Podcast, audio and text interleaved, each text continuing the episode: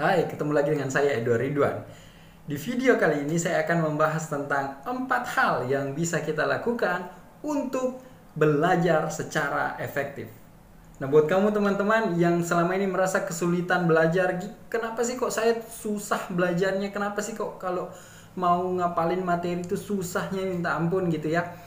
Bisa jadi kamu tidak melakukan empat hal ini. Nah, hari ini saya akan membahas tentang bagaimana kita belajar secara deep learning, belajar yang bermanfaat, belajar yang efektif sehingga apa yang kita pelajari itu gampang kita terima dan bisa untuk kita gunakan dalam kehidupan kita.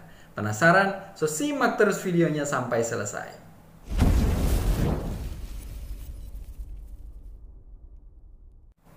Baik, yang pertama adalah learning with single mind focus, gitu ya.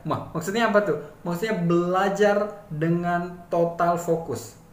Problem terbesar kita teman-teman selama ini adalah distraksi ya kita lagi belajar tiba-tiba notifikasi di HP bunyi. Kita lagi belajar tiba-tiba ada ada chat masuk gitu ya. Kita lagi belajar tiba-tiba banyak hal yang mengganggu pada saat kita belajar. Itu disebut dengan distraksi. Dan memang generasi kita generasi milenial generasi uh, di bawahnya gen, gen Z memang menurut riset dan penelitian ya memang paling banyak mengalami distraksi. Mereka sulit sekali fokus. Karena itu kita harus melatih pikiran kita, kita untuk belajar secara fokus Gimana caranya fokus? Ya teman-teman pada saat belajar ya belajar satu hal itu saja dan kemudian gunakan timer. Saya sih biasanya gunakan timer. Gunakan timer uh, ketika saya menggunakan timer itu uh, saya harus fokus pada apa yang saya pelajarin. Ketika timernya selesai ya saya bisa nanti uh, cek sosial media, kemudian cek HP saya dan lain sebagainya. Ya, teknik ini biasa disebut dengan Pomodoro ya. Teman-teman bisa cari nanti Pomodoro atau mungkin kita akan bahas di next videonya tentang teknik Pomodoro untuk membantu kita menjadi lebih fokus.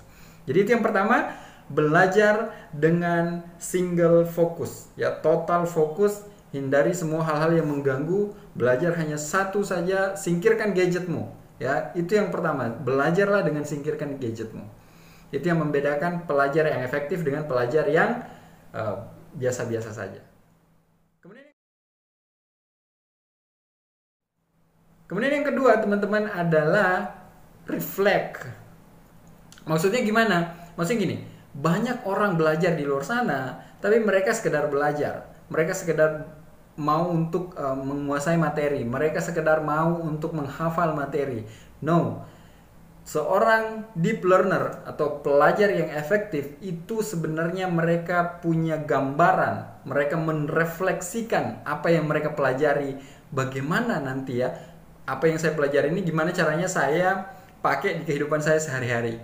Gimana caranya nanti saya pakai apa ya, apa yang saya pelajari ini gimana saya gunakan, saya aplikasikan ilmunya itu di mana. Itu disebut reflect. Reflect what you learn jadi kita punya gambaran tentang apa yang mau kita pelajari. Nah, inilah problem yang memang masih menjadi problem ya di sistem pendidikan kita saat ini. Anak-anak di, ya, diminta untuk belajar begitu banyak pekerja pelajaran, di, diminta untuk menguasai semua pelajaran, padahal kan tidak mungkin ya. Kita semua punya uh, talenta di satu bidang, kita semua punya kemampuan dan kekurangan. Hanya saja bagaimana kemudian kita harus lebih uh, fokus memilih mata pelajaran yang memang kita suka, yang memang kita akan gunakan. Dan ini yang disebut sebagai reflect. Di dalam NLP ini disebut sebagai outcome, well performed outcome. Ya, uh, sebelum kita belajar kita tahu dulu yang mau saya pelajari ini tujuannya buat apa? Bagaimana saya pakai ini untuk kehidupan saya? Apakah sekedar untuk sekedar supaya bisa belajar atau sekedar untuk uh, apa supaya pinter supaya terlihat keren ya supaya terlihat berintelek uh, gitu ya atau kemudian memang kita gunakan ini untuk kehidupan kita. Nah, saya sendiri merasakan teman-teman ketika saya belajar misalnya tentang uh, satu satu skill tertentu dan saya bisa uh, refleksikan apa yang saya pelajari itu, oh nanti saya akan pakai di uh, pekerjaan saya seperti ini. Nah, apa namanya pelajaran itu lebih gampang masuk ini yang ini yang proses belajar efektif yang kedua. adalah implement and act on it. Maksudnya gimana? Maksudnya ya setelah kamu belajar, ya coba. Setelah kamu belajar, implementasikan itu. Setelah kamu belajar, gunakan itu dalam kehidupan sehari-hari. Ya makanya kemudian ini pentingnya di tahap kedua tadi kita memilih pekerja pelajaran yang memang berhubungan dengan hidup kita. Sehingga di tahap ketiga ini apa yang kita pelajari bisa kita gunakan, bisa kita implement, implementasikan. Teman-teman banyak orang yang merasa kompeten di satu bidang, yang mereka merasa bisa, mereka merasa pinter di satu bidang tertentu, padahal sebenarnya itu disebut sebagai illusion of intelligence. Jadi um, kita merasa bisa, padahal sebenarnya kita nggak bisa karena apa? Karena kita nggak praktek, karena kita nggak mengimplementasikan apa yang kita pelajarin gitu ya.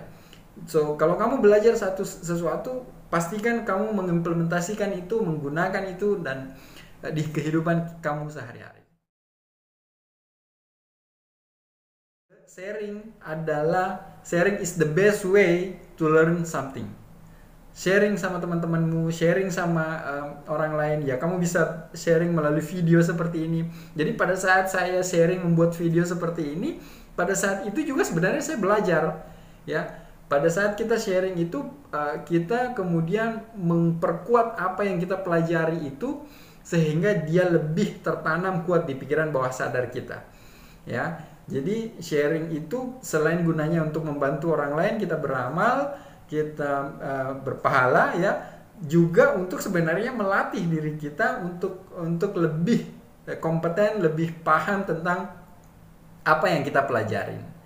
Yang di samping itu kemudian ya kalau kamu kemudian nanti pengen membangun yang namanya personal branding ya tentu bagus untuk personal branding kamu ketika kamu rutin melakukan sharing tentang apa yang apa yang sudah kamu pelajari. Nah, inilah empat tahap yang kamu bisa lakukan untuk memaksimalkan yang namanya proses belajar efektif. Ya, semoga uh, keempatnya ini saya pikir sangat bermanfaat buat kamu mengingat uh, hari ini kita sebagai gen milenial dan gen Z dibanjiri oleh serbuan informasi so uh, penting sekali buat kita untuk memahami cara belajar yang benar, cara belajar yang yang efektif. Kalau kita punya skill ini ya insya Allah kita akan menjadi jauh lebih produktif dan jauh lebih uh, efisien di dalam hidup kita. Saya pikir itu semoga video ini bermanfaat. Selamat uh, praktek, selamat belajar dan kalau teman-teman punya pertanyaan silahkan share di kolom komentar dan jangan lupa untuk subscribe channel ini dan terus support channel ini supaya bisa berkembang dan membagikan lebih banyak video-video yang bermanfaat lainnya. Sekian, Assalamualaikum warahmatullahi wabarakatuh.